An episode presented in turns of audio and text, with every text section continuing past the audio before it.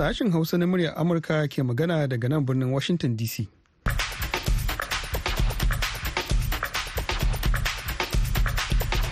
Masu haro Assalamu alaikum barkanmu da wannan dare yau Litinin 8 ga watan Janairun shekarar 2024. Mahmud Lalo ne tare da Ibrahim Kalmasi Garba muka sake dawowa a cikin shirinmu na ƙarfe 9 da rabi agogon Najeriya, Nijar, Kamaru da Chadi ƙarfe 8 da rabi kenan agogon Ghana.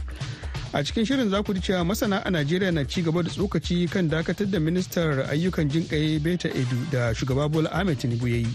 shugaba bola ahmed tinubu dole a masa guda a masa jinjina akan cewa wannan mataki da bara ɗauka duk da cewa baya babatu kamar sauran gwamnati ta baya inda suke nuna su masu gaskiya ne masu yaƙi da hanci ne amma gashi ana gani a kas a najeriya har ila yau 'yan gudun hijirar da suka tserewa rikicin yankin bakwas a jihar plateau sun yi kira da ga hukumomi da suka yi musu ɗauki a wannan kuɗi naira miliyan 500 da aka kawo kobo ɗaya ba ɗauka aka ba fulatini. Gaskiya muna buƙatar irin su sutura da su abinci da wurin barci ba takalmuna ba kayan sawa jiki mamana don yaran kin gan su abin tosai. Muna kuma tafa da ƙarin bayani a cikin shirin da kuma rahoto na musamman wanda sani sha'ib malumfashi zai gabatar mana da labaran wasanni. Ta mawar mun fara da shan labaran duniya tukuna.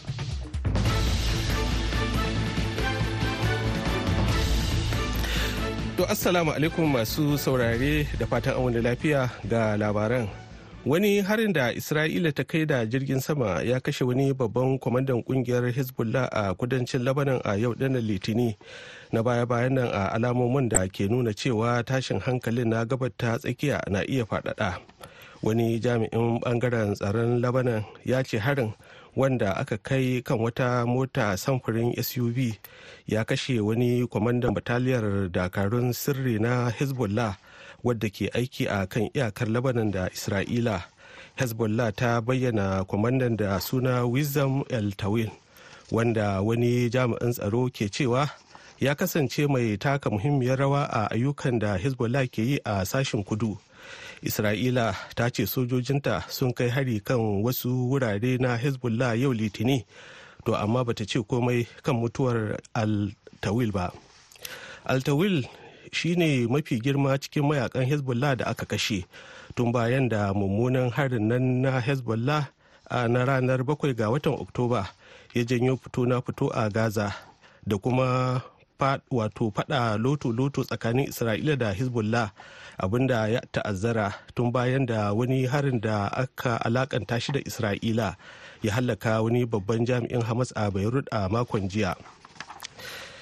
Shugaban amurka joe biden bai da niyyar korar sakataren tsaro leo austin bayan da shi leo austin din wato bayan da shi austin din a wani al'amari mai ɗaura kai ya shafe kwanaki ba tare da bayyana cewa ya yi rashin lafiya ba kuma har yanzu bai bayyana irin rashin lafiyar da ya ba a cewar fadar white house yau litini babu wani abin da ake shirin yi wanda ya wuce sakatare ustin ya ci gaba da kasancewa a mukaminsa a cewar mai magana da yawon majalisar tsaron ƙasa john kirby a ga manema labarai.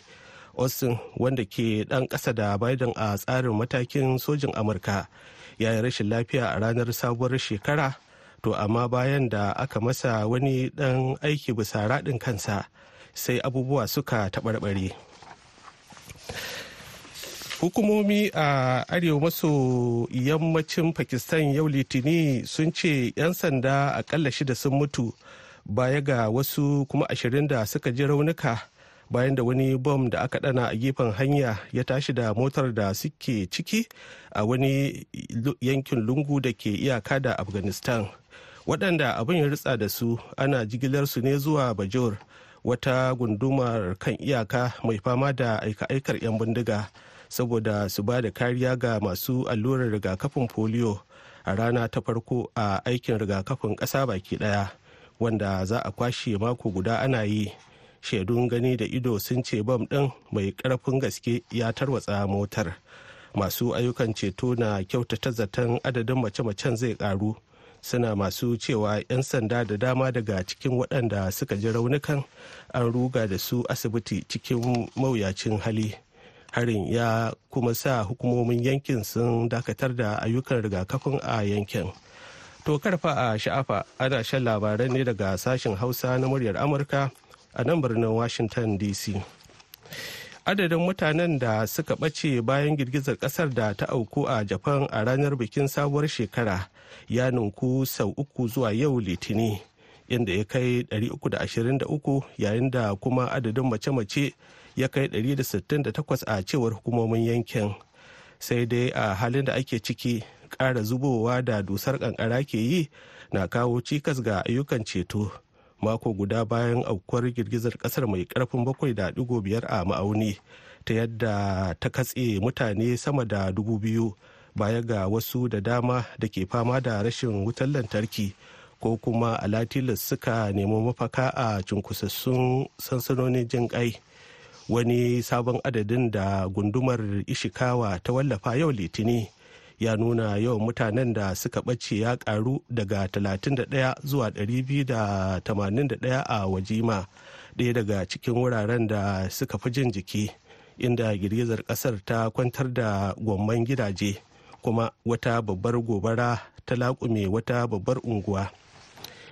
A ƙarshe masu ayyukan ceto jiya lahadi sun zakulo wasu masu haƙar ma'adinai goma sha biyar waɗanda suka makale a hanyar ƙarƙashin ƙasa a mahaƙar redwin da ke ƙasar zimbabwe bayan da ta rubuta ranar alhamis a cewar wani mai magana da yawun gwamnati.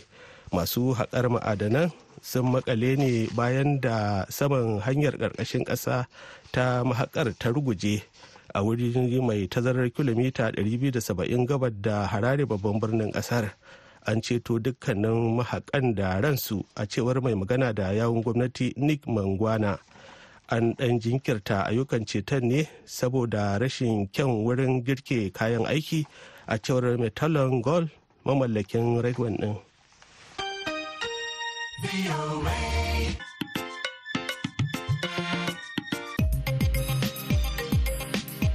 Gaida ibrahim kalmasi garba da ya karanto mana labaran duniya daga nan sashen hausa na murya amurka a birnin washington dc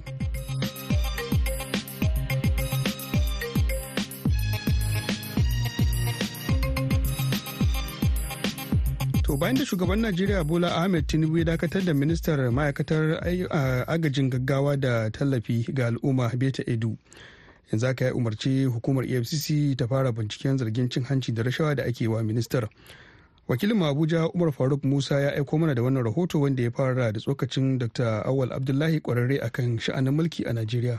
To duk irin waɗannan idan aka kawo gaban shugaban ƙasa mai sauraron jama'a dole zai duba ya ga cewa to wannan bincike bai dace a bincike mutum yana ɗore da kaya a kan shi ba. Don haka ya sauke kayan sai a bincika. dr awal abdullahi kenan mai fashin baki akan sha'anin mulki a najeriya a tattauna da ne da shi a abuja. A waje ɗaya malam mamun sale mai fafutukar yaƙi da cin hanci da rashawa a najeriya ya bayyana cewa lallai wannan mataki da tinubu ya ɗauka abu ne na alheri a najeriya da kuma yaƙi da ake yi da cin hanci da rashawa a cikin ƙasar. To gaskiya wannan abin da yawa ita beta edu ministan jin kai ta najeriya wato ya dakatar da ita domin a bincike ta kan zargin da ake mata. Yana nuni da cewa na farko ba zai yarda da cin hanci da rashawa ba gwamnatinsa. Na biyu yana nuna cewa bangaranci da wato yanki ba zai tasiri ba a gwamnatinsa. Saboda waɗannan ababe guda biyu ana zargin ta duk ta aikata. Na farko ta ba da kuɗi ba da ka'ida ba. Wannan ma alamomi ne da ake zargin da cin hanci. Na biyu kuɗaɗen da aka raba domin a je a rajista na masu mabukata a najeriya Najeriya wato yankin ta ta bayar yankin Akwa Ibom da kuma yankin Lagos inda nan ne ta bi ƙarfi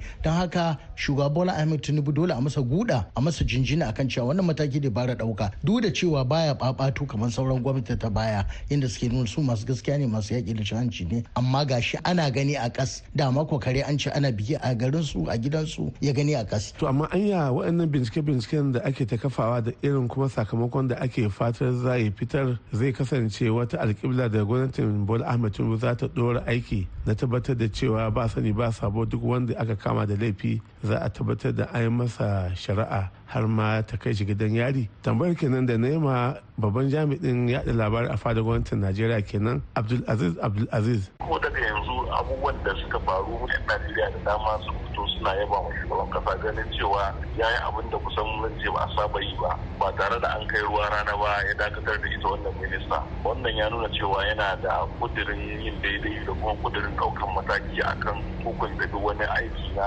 asha ko na ba daidai ba tare kuma da ƙoƙarin kare dukiyar talaka kamar yadda aka ɗauki wannan mataki nan gaba ma idan aka kammala wannan bincike na tabbata cewa ba tare da wani ɓata lokaci ba za a ɗauki ƙwararren matakai akan kowaye aka samu da laifi. a halin da ake ciki dai a yanzu bayanai da ke fitowa daga fadar gwamnatin tarayyar najeriya na nuna cewa dukkan yunkurin da ita wannan minista da aka dakatar wato beta edu daga shiga fadar gwamnati ko kuma hudda da shuba bola ahmed tinubu ta ci tura domin an shinge ta daga shiga fadar gwamnati. Umar faruk musa amurka a abuja najeriya. A gaida umar faruk musa. To ɗaruruwan 'yan gudun hijira da ke sansanoni da dama a ciki da wajen jihar plateau sun buƙaci agajin gaggawa daga hukumomi a ɗaiɗaikun jama'a. 'yan gudun hijiran daga ɓangaren fulani da sauran ƙabilun yankunan ƙananan hukumomin mangu wakos da barikin ladi a jihar ta plateau sun tsinci kansu ne a sansanoni biyo bayan hare-hare a yankunan nasu da suka kai ga asarar rayuka da dukiyoyi da dama daga jos ga rahoton da zainab babaji ta aiko mana A wani taron manema labarai da haɗaɗɗiyar ƙungiyoyin Fulani suka gudanar a cikin birnin Jos sun koka kan yadda suka shiga halin tashin hankali kuma ba a kula da su ba. Imam Abubakar Isa Ahmad daga garin Bokos ya ce tun tallafin da matar shugaban ƙasa ta kawo a kwanakin baya bai kai kansu ba. Kuma muna kira ga shi mai girma shugaban ƙasa da a dubi al'ummar wannan ƙasa da idon rahama. Taimakawa yara da mata da shauran iyayenmu waɗanda aka sace musu dabbobi aka ƙona musu gidaje ba iyaka aka lalata musu dabbobi wanda Allah kaɗai ya san iyakacin dabbobin da aka tafi da su yanzu haka suna nan a zube a ƙasa ba su a cikin gidaje wasu na cikin garin bakwas wasu sun fita makwabtan jihohi. Shugaban ƙungiyar Miyatti Allah a jihar Plateau Alhaji Nura Muhammad Abdullahi ya ce al'ummarsu sun yi asara da dama. A wannan kuɗi naira miliyan 500 da aka kawo kobo ɗaya ba ɗauka aka ba bafulatani ko guda ɗaya ba. Alhali wannan abun ya shafe mu an ɗauke mana shanu za ka ji bafulatani an ɗauke shanu 120 180 200 300 an tafi da su an talauta shi bai iya noma ba bai iya kasuwa ba bai aikin gwamnati baya komai. Kuma babu wani tallafi daga gurin babu tausayawa babu komai. Su ma wasu al'ummomin daga garin na Bakwas sun bayyana halin da suke ciki. Mary Isa daga Yalwa Nono. Gaskiya muna buƙatar irin su sutura da su abinci da wurin barci. Ba takalmuna ba kayan sawa jiki mamana don yara in kin gan su abin tosai suna kwanta kasa ba abubuwan da za mu biya buƙata da shi ba. Sunana Pastor Iliya Joshua ta bukatan shine bayancin wurin barci da kuma abinci bai wadace mutane ba. Ci ko da yake masu taimako suna kan taimako mun gode da mun wannan. Ba domin a cikin bakwas gaba ɗaya fiye da dubu goma sha biyar wanda suka taru a cikin garin bakwas muna da kam ɗaya ɗaya ɗaya guda goma sha biyu. A nata wannan ma wurin su ma ba nan suke za wasu suna jos wasu mangu. Muna roko ga gwamnati domin su taimaka mana. Shugaban ƙungiyar gwamnonin jihohin arewa ta tsakiyar najeriya kuma gwamnan jihar nasarawa injiniya abdullahi sule ya ce nan gaba kaɗan za su gudanar da babban taro da za su duba matsalolin tsaro a yankin don magance su. Saboda abin da yake faruwa a kogi ya bambanta da abin da ke faruwa a jihar Kwara, ya bambanta da abin da ke faruwa a Benue Nasarawa da kuma ita kanta a Plateau din to da kuma Niger. To shine muka ce to ya kamata a zo a yi wannan babban taron kowa ya zo da jama'an shi. Mu zauna mu fahimci ya za mu yi jama'an mu baki ɗaya a zauna lafiya da juna. Bayan haka a wannan seminan sai tunani kuma ya zo da yake akwai ma'adinai da aikin noma da sauransu duka a wannan waje namu. Tun da yanzu har mai ma muna da shi a arewa ta tsakiya. Ya muka ce to sai a hada kuma a sake yin ya zama security da kuma economy duka a yi su tare. To don haka wannan summit da za a yi za a yi summit ne na economy da kuma a security baki ɗaya Gwamnan jihar Nasarawa kenan kuma shugaban ƙungiyar gwamnonin jihohin Arewa ta tsakiyar Najeriya Abdullahi Sule kan magance matsalolin tsaro a yankin. Zainab Babaji, muryar Amurka daga Jos a Najeriya. A gaida Zainab Babaji har yanzu dai kuna tare ne da sashen Hausa na muryar Amurka a birnin Washington DC inda agogo ke cewa ƙarfe huɗu na yamma ne saura minti shida goma saura minti shida kenan a Najeriya, Nijar kamar da Chadi. Yanzu kuma ga rahoto na musamman. A Najeriya, Majalisar Dattawa da ta wakilai sun amince da kasafin kuɗi na shekara ta 2024 a bayan da kwamitocin kasafin kuɗi na majalisar biyu suka tantance kasafin da shugaban ƙasa ya ba su na tiriliyan 27.5 inda suka kara shi zuwa tiriliyan 28.7 ƙarin da masana suka ce ya yi daidai. Mataimakin shugaban kwamitin kasafin kuɗi na majalisar dattawa, Sanata Muhammad Ali Endeme ya yi nazari inda ya ƙarin bayani a hirarsu da abokiyar aiki na Madina Dauda.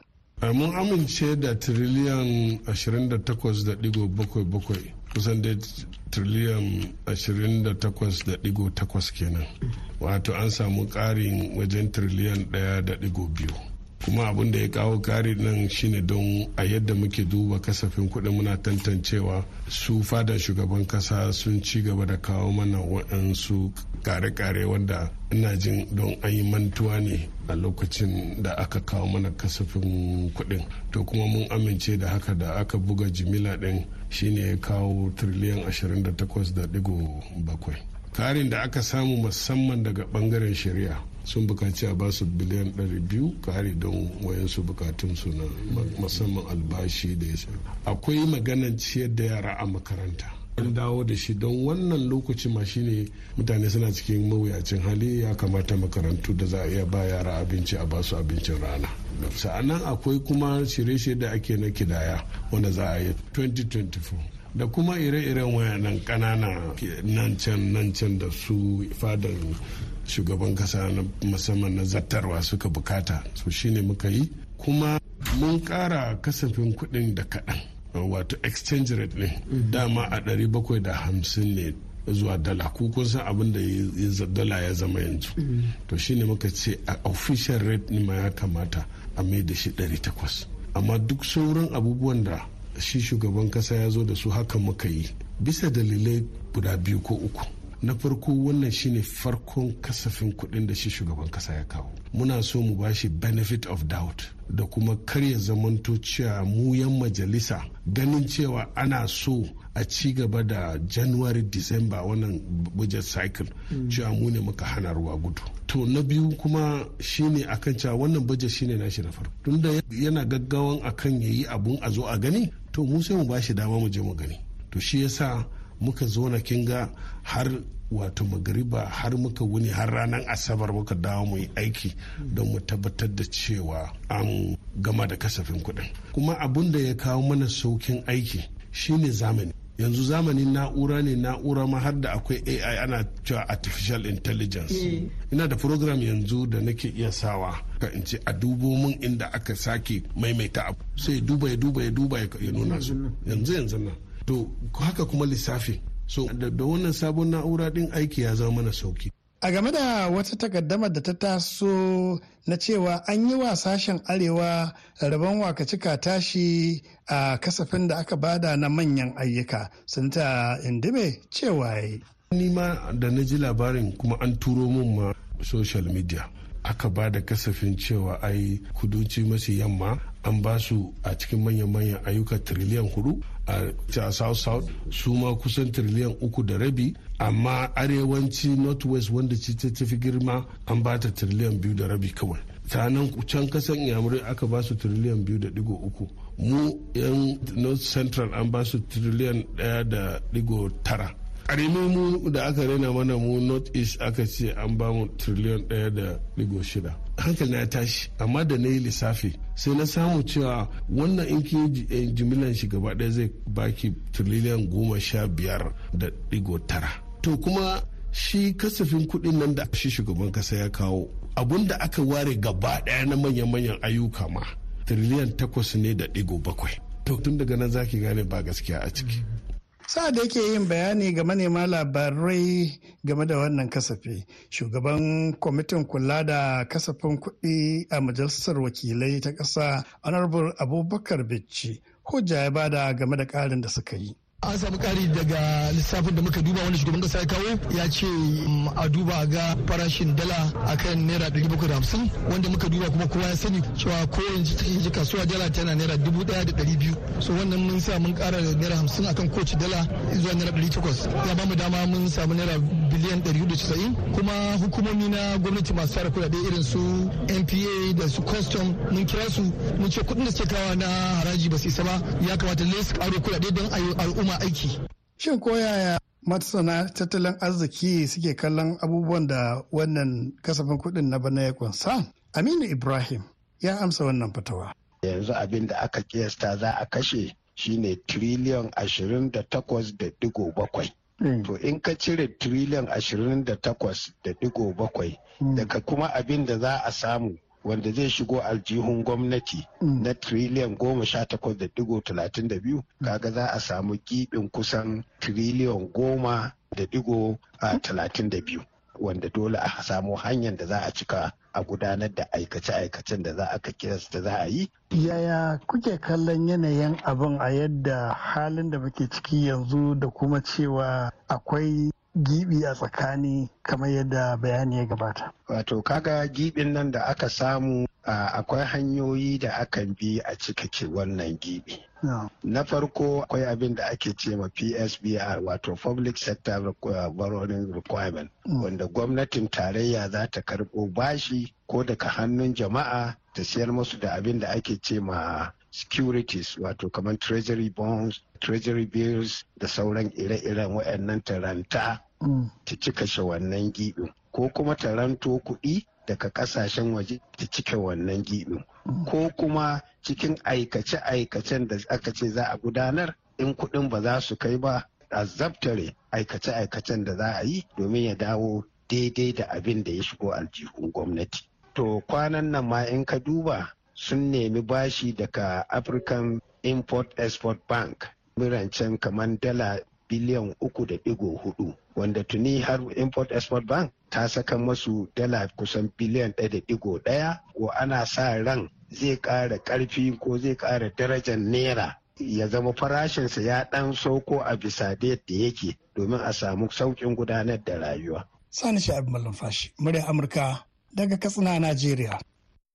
To madalla kafin mu ci gaba da shirin mu shakata da wannan waƙa. Selam.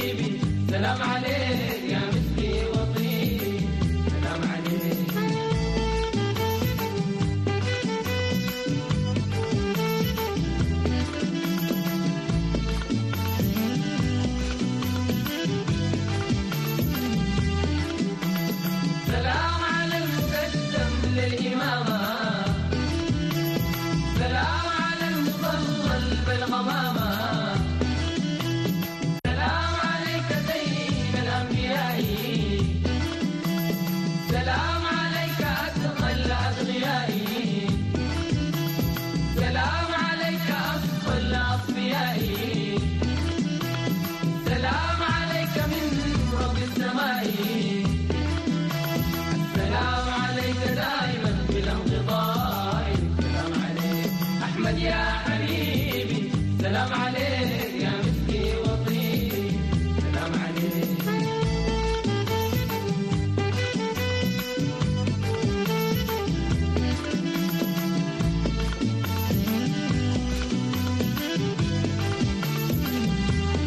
Da yanzu kuma sai labaran wasanni.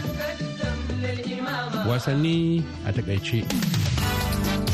Dan wasa Kyalen Mbappe ya cimma yarjejeniya tafiya Real Madrid a ƙarshen kwantiraginsa da Paris ST Germany. Sai dai kuɗin da Real din za ta biya Mbappe wanda wa'adinsa a PSG zai kare a bazaran nan mai zuwa. Bai kai yawan wanda suka yi masa ta yi ba a tattaunawarsa ta shekara ta 2022 sai dai duk da wannan yarjejeniyar Mbappe zai iya sauya shawara ya tafi gasar Premier. A waje ɗaya kuwa ita kuwa ƙungiyar ƙwallon kafa ta Juventus ta fice daga zawarcin dan wasan tsakiya na Manchester City Calvin Phillips na Ingila saboda kuɗin da aka tsuga na bayar da shi aro da kuma yawan albashin da za a bashi. Al'amura na nuni da cewar wannan janyewar da Juventus ta yi za ta iya ƙarfafa wa Newcastle damar samun dan wasan mai shekaru 28. Ita kuwa ƙungiyar ƙwallon kafa ta Liverpool ta fitar da Arsenal daga Park a karawar zagaye na uku bayan da ta ci biyu da nema a Emirates a ranar Lahadin da ya gabata. Al'amarin da masu sharhi akan wasanni a Najeriya suka bayyana shi a matsayin ci baya ga ƙungiyar ƙwallon kafa ta Arsenal. Ya kamata a ce Arsenal ne ya kamata ta yi wa Liverpool irin wannan ba Liverpool ne ya kamata ta yi wa Arsenal ba amma wannan ya zama ci baya a ƙungiyar ta Arsenal in ji Muhammad Bana wani mai sharhi akan wasanni a Najeriya wanda ya ce idan ka kalli tawagar ƙwallon kafa ta Liverpool za mu ga cewa yanzu haka ita ce a mataki na ɗaya a saman teburin gasar Premier League na ƙasar Ingila wanda ta ma tsere ma Arsenal din da kusan tazarar maki biyar wanda take a mataki na huɗu. Sannan idan ka dubi sauran gasa da Liverpool din take fafata a ciki musamman gasar cin kofin ƙwallon kafa na Europa ita ta yi ta farko a rukunin da take a ciki. Sannan kuma yanzu haka tana matakin kusa da na ƙarshe ma'ana semi final a gasar karabuwa duk dai a Burtaniya din. Sannan kuma ta doke Arsenal a gasar cin kofin ƙwallon kafa na AP a wasannin zagaye na uku a jiya. Kaga idan ka hada za mu iya cewa ƙoƙarin su a wuri guda zaka ga cewa ai dama Liverpool ba sa'ar Arsenal din ba ne musamman yan watanni ko in ce yan makonnin nan a fagen wasan na ƙwallon kafa. Ko da yake kocin ƙwallon kafa ta Arsenal din Mikel Arteta ba zai tsira daga zargi ba. A musamman wannan ba shine karo na farko da sai ya yunkuro kamar zai taka rawar gani sai ga kuma sabanin haka ba. Idan muka leka fagen kyaututtukan gwarazan yan wasa kuwa Ale Jado Ganacho ya lashe kyautar gwanzor dan ƙwallon kafa na watan Disamba a Manchester United. Dan wasan mai shekara goma sha tara ya lashe kyautar karo na biyu a jere bayan da aka zaɓe shi a matsayin ficaccen dan wasan Manchester United a watan Nuwamba. A cikin watan na Disamba dan wasan tawagar Argentina ya ci ƙwallo biyu ya bayar da biyu aka zira shine dan ƙwallon da ya taka rawar gani a wasar Manchester United da Aston Villa a ranar ɗaya ga watan Disamba da ya gabata. Lamarin da ya janyo ya lashe wannan kyautar karo na biyu a jere. A nan za mu birki a shirin namu na wasanni a taƙaice. Sai makon gobe in mai duka ya kai mu lado salisu garba muryar amurka daga adamawa a najeriya. Kuma da yanzu kuma ga labaran duniya a taƙaice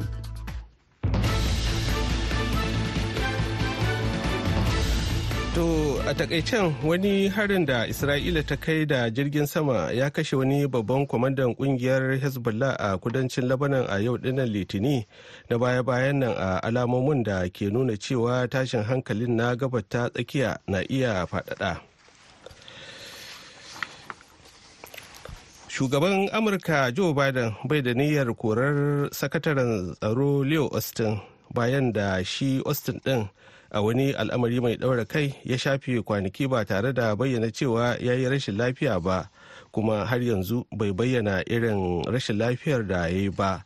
A cewar fadar white house a yau ɗin nan litini hukumomi a arewa maso yammacin pakistan yau litini sun ce 'yan sanda akalla shida sun mutu baya ga wasu wajen ashirin ko fiye da haka da suka ji raunuka bayan da wani bam da aka dana a gefen hanya ya tashi da motar da suke ciki a wani yankin lungu da ke iyaka da afghanistan. Waɗanda abin ya ritsa da su ana jigilar su ne zuwa bajeur wata gundumar kan iyaka mai fama da aika-aikar 'yan bindiga saboda su ba da kariya ga masu allurar rigakafin polio a rana ta farko a aikin rigakafin ƙasa baki ɗaya wanda za a kwashe mako guda ana yi. Shaidun gani da ido sun ce bam ɗin mai ƙarfin gaske ya tarwatsa motar. Adadin mutanen da suka ɓace bayan girgizar ƙasar da ta auku a japan a ranar bikin sabuwar shekara ya ninku sau uku zuwa yau litini inda ya kai 323 To da kai Ibrahim Kalmasi Garba masu sauraro duka-duka abin da ya sauka kenan a shirin namu nan lokaci sai kuma gobe da safe da misalin ƙarfe 6 na safe agogon Najeriya, Nijar, kamar da Chadi. Wato biyar na safe kenan agogon Ghana za ku ji wasu abokan aikinmu da wani sabon shirin. Za a iya zuwa shafukanmu na intanet wato voahausa.com ko kuma sashin hausa.com domin sake sauraron wannan shirin da ma waɗanda suka gabata kazalika za a iya leƙa shafukanmu na Facebook. da x wato twitter sai instagram da ma youtube domin samun labarai da su yanzu kan a madadin shi ibrahim kalmasi garba da ta na gabatarwa da da fiona nandudu ni mahmud lalo nake cewa a kwana lafiya.